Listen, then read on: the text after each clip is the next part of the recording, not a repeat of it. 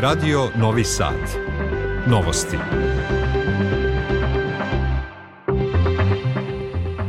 Dobar dan, ja sam Slobodan Vidović. Ja sam Nikola Rausavljević. Ovo su najvažnije vesti. Ledeni dani povećali potrošnju struje za 17%, snabdevanje stabilno, poručuju u elektromreži Srbije. Od početka godine stradalo je 11 osoba u saobraćajnim nesrećama. U putevima Srbije apeluju na vozače da prilagode vožnju klizavim putevima. Održana sednica odbora za obnovu i razvoj Sremskih Karlovaca. Nagrada Dejan Medaković uručena Bojanu Jovanoviću za knjigu Srpsko kulturno blago. Nastavljena evakuacija životinja na Krčedinskoj adi. Sutra posle jutarnje magle tokom dana biće sunčano i hladno, kažu meteorolozi, temperatura do 0 stepeni. Sada je u Novom Sadu minus 2. Predsednik Aleksandar Vučić posetio je Ruski dom u Beogradu gde su ga dočekali direktor Evgenij Baranov i ambasador Rusije Aleksandar Bocan Harčenko. Predsednik je upoznat sa istorijatom Ruskog doma u Beogradu, a bila je to prilika i za razgovore o odnosima dve zemlje. Opširnije Marija Maleš. Odnosi Srbije i Rusije su vrlo dobri, ali uvek može više, ocenio je Vučić. Kaže da Srbiji i Rusiji imaju tradicionalno prijateljstvo i bratstvo i da smo u teškim uslovima uspeli da ne pogazimo svoj obraz. Na pitanje što ga je ministar spoljnih poslova Velike Britanije nazvao ruskim proksijem, Vučić je rekao da je razočaran tom izjavom, a da je Srbija suverena i nezavisna zemlja, te da nije ničiji proksi, ni ruski, ni američki. Srbija se diči svojom samostalnošću i Srbiji, zato i jesam razočaran tom izjavom gospodina Camerona, kao i pričamo o tome da ćemo mi da budemo ti koji destabilizaciju regiona provodimo, zato što mi se čini da mnogi drugi upravo na tome rade i to zdušno i svesrdno uz pomoć upravo onih faktora koji nam dele lekcije svakodnevno. Mi ćemo nastaviti da imamo svoju samostalnu i nezavisnu politiku, pa i po pitanju Ruske federacije i po pitanju mnogih drugih.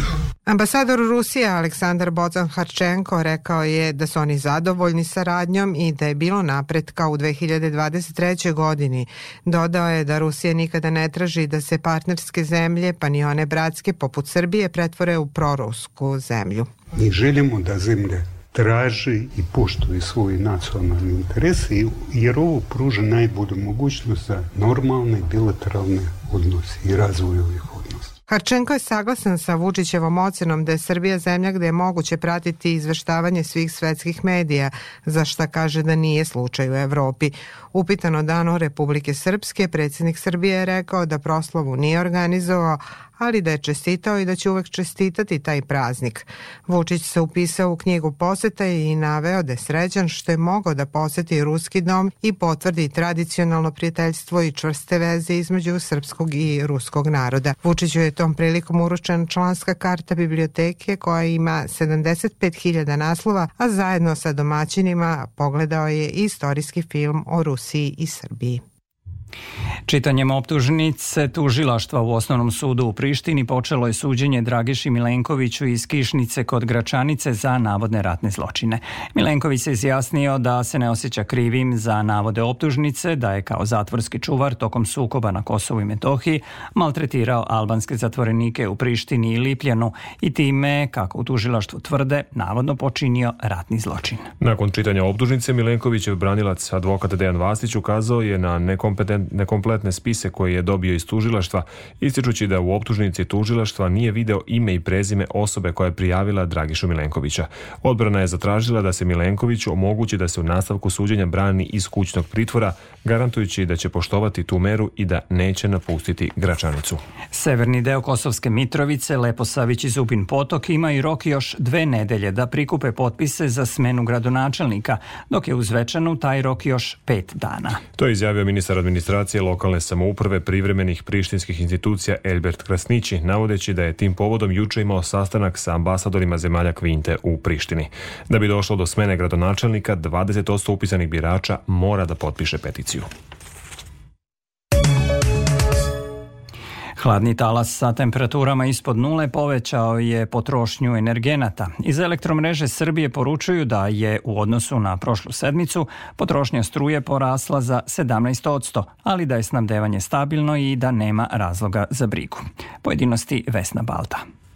Petina građana Srbije greje se ili dogreva na struju, a ledeni dani u januaru uslovili su i njenu povećanu potrošnju. Ipak, proizvodnja je stabilna, kažu u EPS-u i navode da struje na tržištu ima dovoljno. Generalna direktorka elektromreže Srbije Jelena Matejić kaže za Radio Televiziju Srbije da je porast potrošnje struje uobičajen za ovaj period godine. Uobičajeno za proslave, za ove hladne dane koji nam dolaze, za povratak sa mini raspusta, potrošnja u državi Srbiji je najveća i to u kontinuitetu i iz godine u godinu. Tako smo u, u jučerašnjem danu u odnosu na referentnu prošlu nedelju, odnosno 3. januar prošle nedelje, imali neki 117 gigavat sati potrošnje, što je 17% i više od 17% u odnosu na referentni 3. januar. Za danas se očekuje dodatnih 2% povećanja. Na evropskim berzama raste cena gasa, a posebno struje koja je za 50% skuplja nego u decembru. Trenutno u Evropi struju struju najviše uvozi Nemačka, oko 5000 megavata, navodi izvršni direktor za upravljanje i tržište u elektromreži Srbije Dušan Aničić. Takođe Italija, ona je malo više oko 2500 megavata, a u okruženju to je Mađarska negde oko 1000 megavata. Ali to stanje koje se menja i to u zavisnosti od angažovanja obnovljivaca, obnovljivih izvora električne energije, da li ima vetra, da li nema, da li ima sunca i to se menja. Ali trenutno stanje je u celoj interkonekciji stabilno i ne očekujemo nikakve nikakve probleme. Iz elektromreže Srbije poručuju i da imaju servisne stubove u slučaju havarije, njih 15 koji se nalaze u svim njihovim regionalnim centrima, te da su spremni odmah da reaguju u slučaju teških nedaća. Ne postoji precizan podatak o broju beskućnika na teritoriji Novog Sada, ali znamo da ih ima i u ovim hladnim mesecima. Njima je potrebna podrška i utočište. Centar za socijalni rad obezbedio je dva montažna objekta gde mogu dobiti večeru, topli napitak i prenoćište. Opširnije Davorka Jelena Draško. Sa ledenim danima sve je potrebniji topliji smeštaj za beskućnike. U Novom Sadu svi koji nemaju krov nad glavom mogu da se jave Centru za socijalni rad kako bi ostvarili usluge koje im garantuje zakon o socijalnoj zaštiti, kaže Katarina Stolić iz te ustanove. Naši objekti su na dve lokacije. Jedna lokacija je pored Centra za socijalni rad uz Majognjena Vuka broj 13. Tu nam je kapacitet 24 kreveta i druga lokacija je u Temerijskoj ulici broj 6 objekti rade od 19 časova uveče do 7 časova narednog dana. A u toku dana mogu da koriste usluge svratišta za beskočnike u Futoškoj ulici 46, gde dobijaju topli obrok i mogu da održavaju ličnu higijenu. Dakle, mi ovde ovim montažnim objektima nemamo kupatila, ali tu uslugu e, dobijaju dakle u svratištu, tamo se naši korisnici kupaju i e, dobijaju adekvatnu garderobu, zimsku obuću, odeću i sve ono što im je potrebno. S obzirom na to da ovi ljudi ljudi najčešće nemaju ni ličnu dokumentaciju, ona im i nije potrebna i ovu uslugu mogu da koriste odmah, precizira naša sagovornica. Uslov je dakle da e, nemaju imovine, da nemaju srodnika, da nemaju nikoga ko može da im pomogne. To se sve procenjuje na osnovu razgovora, na osnovu uvida u naše evidencije i usluga dakle se e, počinje koristiti e, istog momenta kada se korisnik obrati. U navedenim montažnim objektima i svratištu zbrinjavaju se ljudi koji su na ulici, ali kojima zdravstveno stanje dopušta da se samostalno brinu o sebi, a oni sa većim zdravstvenim problemima upućuju se u prihvatilište u Futogu, dodaje Katarina Stolić iz Centra za socijalni rad u Novom Sadu. Praznici su za nama, a i ove godine bačeno je mnogo hrane. Na to ukazuju u organizaciji Banka hrane Vojvodine. Kaže da se svake godine u Srbiji baci skoro 250.000 tona hrane, dok dnevno ostane više od oko 700 tona. Praznicima je taj broj veći. U Banci hrane Vojvodine, čiji je cilj prikupljanje i doniranje hrane socijalno ugroženom stanovništvu, apeluju na sugrađane da racionalnije koriste namirnice. Opširnije Marko Brajković. Banka hrane Vojvodine je tokom praznika na 15 lokacija prikupila više od tone slatkiša koji su podeljeni najmlađim sugrađanima, a u saradnji sa kompanijama prikupljena je i velika količina namirnica koje će biti ustupljene humanitarnim organizacijama. Predsednik Banke hrane Vojvodine Srđan Budimčić objašnjava kako bi svaki pojedinac mogao da doprinese zajednici. Ako imate vašu hranu koju ste kuvali, najbolje bi bilo da pogledate u vašoj okolini, u vašoj zgradi, u vašem komšiluku, u ulici, ko je u problemu i jednostavno da taj višak distribuirate dalje, to jest da date njima, zato što moramo da garantujemo za kvalitet. Mi kao Bank hrane Vojvodine ne možemo od nekog da preuzmemo kuvanu hranu jer ne znamo šta je to skuvano i ne možemo da dajemo kvalitet i garanciju. Organizacija prikupljenu hranu prosleđuje udruženjima i centrima za socijalni rad koji imaju bolji uvid u tome kome su namirnice najpotrebnije – kaže naš sagovornik. Nama je cilj i prioritet da hranu koju dobijemo da postoji deklaracija, da je ona u roku mm -hmm. trajanja ili da je pred istek roka trajanja, da je to suvi proizvod, da je jednostavno to nešto što smo nekom dali, znamo da je tehnički ispravno, da se neće nikom ništa mm -hmm. desiti, da jednostavno može da se konzumira. Mislim, sa velikim brojem kompanija sarađujemo i te kompanije se trude da svoje proizvode nama koji doniraju da budu u roku zavisnosti šta dobijamo, da bi mogli što kvalitetnije to da distribuiramo. Budimčić do dodaje i da bi se usvajanjem zakona o otpisu poreza na dodatnu vrednost oslobodile količine hrane u vrednosti od 16 miliona evra, koje bi mogle biti donirane onima kojima je najpotrebnija. Svet Predsednik Ekvadora Daniel Noboa proglasio je da je u toj zemlji u toku unutrašnji oružani sukob. On je naveo da je u Ekvadoru veliki broj organizovanih kriminalnih grupa koje je označio kao terorističke organizacije, dodavši da je naredio oružanim snagama da izvedu vojne operacije kako bi neutralisali te grupe. Noboa je potpisao dekret nakon upada na oružane grupe napadača u zgradu televizije u gradu Guayaquil.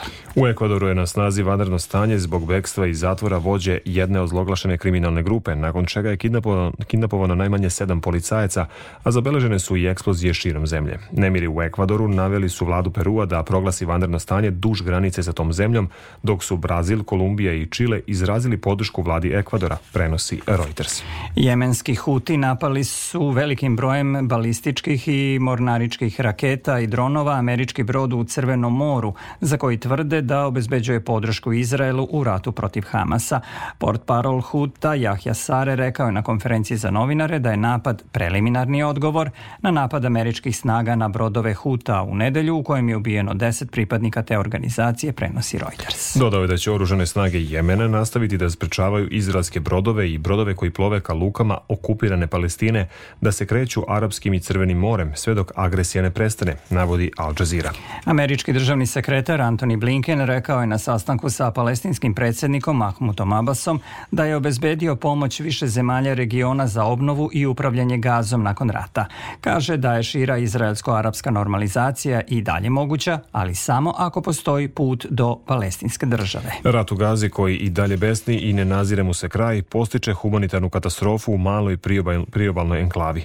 Borbe su postakle porast nasilja između Izrela i libanskih militanata Hezbolaha, što je izazvalo strah od šireg sukoba. U četvrtoj poseti regionu od početka rata Blinken se protekli dana sastao sa liderima Saudijske Arabije, Jordana, Katara, Ujedinjenih Arabskih Emirata Emirata i Turske. Nemačke mašinovođe počinju trodnevni štrajk zahtevajući smanjenje radnog vremena sa 38 na 35 sati nedeljno za smenske radnike, kao i povećanje plata za 555 evra mesečno i jednokratni i inflacijski kompenzacioni bonus od 3000 evra. Nacionalna železnička kompanija Nemačke Deutsche Bahn ponudila je fleksibilnije radno vreme u zamenu za smanjenje plate, prenosi Reuters. Navodi se da će obustava rada uticati na putovanja miliona ljudi.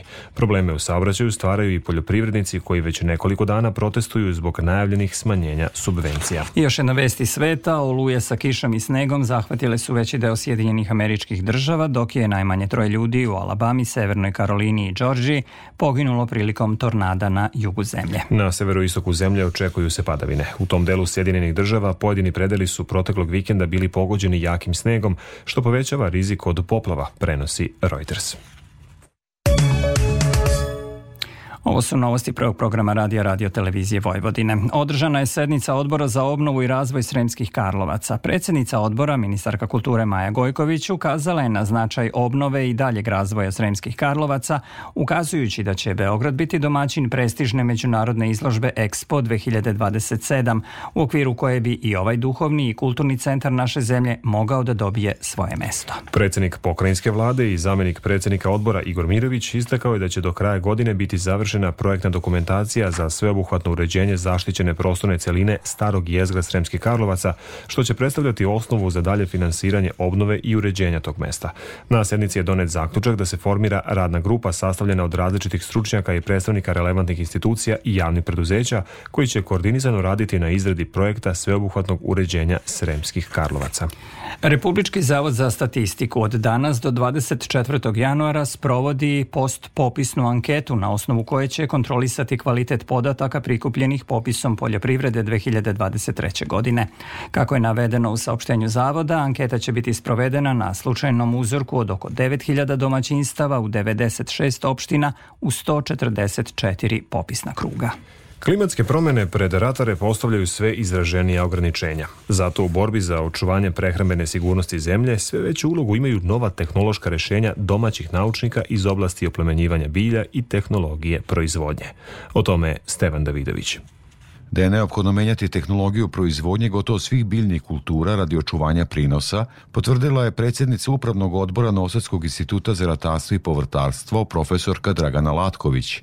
Prema njenim rečima, poljoprivrednici se sve više oslanjaju na nova agronomska rešenja. Institut za ratarstvo i povrtarstvo, institut od nacionalnog značaja za Republiku Srbiju je prošle 2023. godine proslavio 85 godina svog postojanja i naravno da su naši poljoprivredni proizvođači navikli da smo mi uvek tu za njih. I ono što je bitno je tako da ta nauka, lično za nas koji radimo u Institutu za ratarstvo i povrtarstvo, ne bi nekako imala neki smisao, jel tako, ako bi svi ti rezultati završavali samo u institutu, Znači, naš je cilj da ta sva najnovija saznanja za, završe upravo kod naših poljoprivrednih proizvođača, odnosno da završe u brazdi. Opširnije o ulozi Novosadskog instituta za ratarstvo i povrtarstvo u očuvanju i napređenju poljoprivredne proizvodnje možete slušati nakon 16 časova i 10 minuta u emisiji Agroargumenti. Od početka godine u saobraćenim nesrećama poginulo je 11 osoba. Rezultati pojačane kontrole uprave saobraćene policije tokom novogodišnjih i božićnih praznika pokazuju da je više od 1250 vozača upravljalo vozilom pod dejstvom alkohola, a zadržano ih je 420. Javno preduzeće Putevi Srbije apelovalo je na sve učesnike u saobraćaju da budu posebno oprezni, poštuju ograničenja brzine i prilagode vožnju uslovima na putu, jer se u jutarnjim i večernjim časovima očekuje stvaranje pola poledice. Savjetuju vozačima da ukoliko kreću na put, obavezno imaju zimsku opremu i lance u brdovitim i planinskim predelima. Posle jučerašnje dve ture evakuacije životinja sa Krčedinske ade, jutros je nastavljeno spasavanje preostalih 70 životinja zarobljenih na tom ostrvu usled rasta vodostaja Dunava. U Vojvodina šumama koje su obezbedile skelu za prebacivanje krda kažu da su otklonili jučerašnje tehničke probleme koji su usporili evakuaciju. O tome Milijana Kočić. Na višim delovima Krčedinske ade bilo je zarobljeno oko 130 životinja, pre svega konja i goveda. Saznavši za problem, u ponedeljak su vatrogasci i vojska dopremili iznemoglim životinjama hranu, a juče su Vojvodina šume na zvaničan zahtev vlasnika obezbedile tehničke uslove za prevoz 60 krava na sigurno, objašnjava direktor Vojvodina šuma Roland Kokaj. Napomenje da su to prebacivanje pratili brojni izazovi. Skela može da plovi samo preko dana, trebalo je 8 sati za tih 55 km da doplovi do ovde, zato smo juče ujutro u 6 mogli tek e, kad je svanulo da krenemo, pa smo dovukli, odnosno doplovili ovde e, skelu od 60 kvadrata koji može da ima nosivost 28 tona, a kao što sam rekao, život e, nekad kreira izazove, pa je napravio izazov da je se propeler najverovatnije zakačio, pa se, pa se izgubilo i tako smo morali danas da nađemo zamenu, pa smo angažovali privatnika koji će da vuče danas skelu. Uprkos uspešno obavljenoj akciji Vojvodina šumama, vojsci, stočarima i veterinarima predstoji još jedan izazov. Prebacivanje konja koji su manje pitomi i mirni od goveda, ističe Marko Marinković iz Vojvodina šuma. Videli smo da nije baš ni jednostavno prebaciti stoku zato što je to živa stvar i zato što ih treba izgladnela je e, i tako dalje. Ti poludivlji konji, kako kažu lokalni stočari, su veći izazovi za njih i za nas, pa se nadamo da ćemo i to danas uspeti da, da završimo. Mi ćemo biti na terenu, nastavit ćemo da radimo dok se i poslednje grlo ne evakuiše. Za sada nema zvaničnih podataka o broju uginulih životinja, ali vlasnik Milenko Plavšić kaže da su goveda zatekli gladna, iznemogla i smrznuta. U Vojvodina šumama tvrde da do sada nije uginula ni jedna životinja, ali da su dva govečeta u veoma lošem stanju. Kultura Nagrada Dejan Medaković izdavačke kuće Prometej za 2023. godinu uručena je Bojanu Jovanoviću za knjigu Srpsko kulturno blago u izdanju Pravoslavne reči iz Novog Sada. Evo šta je tim povodom izjavio dobitnik. Ne postoje suprotnosti između disciplina i aktivnosti koje je čovek činio i koje čini. Mislim prvenstveno na ono što je egzaktno, naučno i ono što je fiktivno. Čovek nastoji da stvori fiktivna dela, fikcionizirajući fakta, ali ujedno ta fikcija postaje sada fakat njegovog potvrđivanja. Zato su naše duhovne tvorovine izuzetno značajne i one su podjednako bitne kao kao i fakta. Naprimer, izuzetne duhovne domete, epske poezije, verske poezije, bajki, umetničkog stvaralaštva, freskog slikarstva, hramovnog iskustva. Dakle, to je nešto što postoji kao duhovna kultura, ali ono svojim značajem ima faktičku vrednost. Žiri jubilarne 70. Ninove nagrade saopštio je uži izbor od 12 romana sa konkursa na koje je pristiglo 188 naslova, saopštili su organizatori. Navode da će najuži izbor biti poznat za 7 dana, a 29. januara oko podneva biće saopšteno ime 70. dobitnika Ninove nagrade. U novostima Radio Novog Sada i vesti iz sporta, vaterpolisti Srbije protiv Francuske igraju utakmicu play-offa za plasman u četvrt finala Evropskog prvenstva u Zagrebu. Početak je u 18.30, a bolje iz današnjeg duela igraće u četvrtfinalu 12. januara protiv selekcije Mađarske. U Nemačkoj počinje Evropsko prvenstvo za rukometaše. Od 18 sati sastaju se Francuska i Makedonija, dok će domaćine Nemačka od 20.45 dočekati Švajcarsku. Srbija će prvi meč u C grupi igrati u petak protiv Islanda. Odbojkašice jedinstva i stare pazove od 19 časova u Rumi igraće protiv italijanske ekipe Verovolej u okviru petog kola Lige šampiona.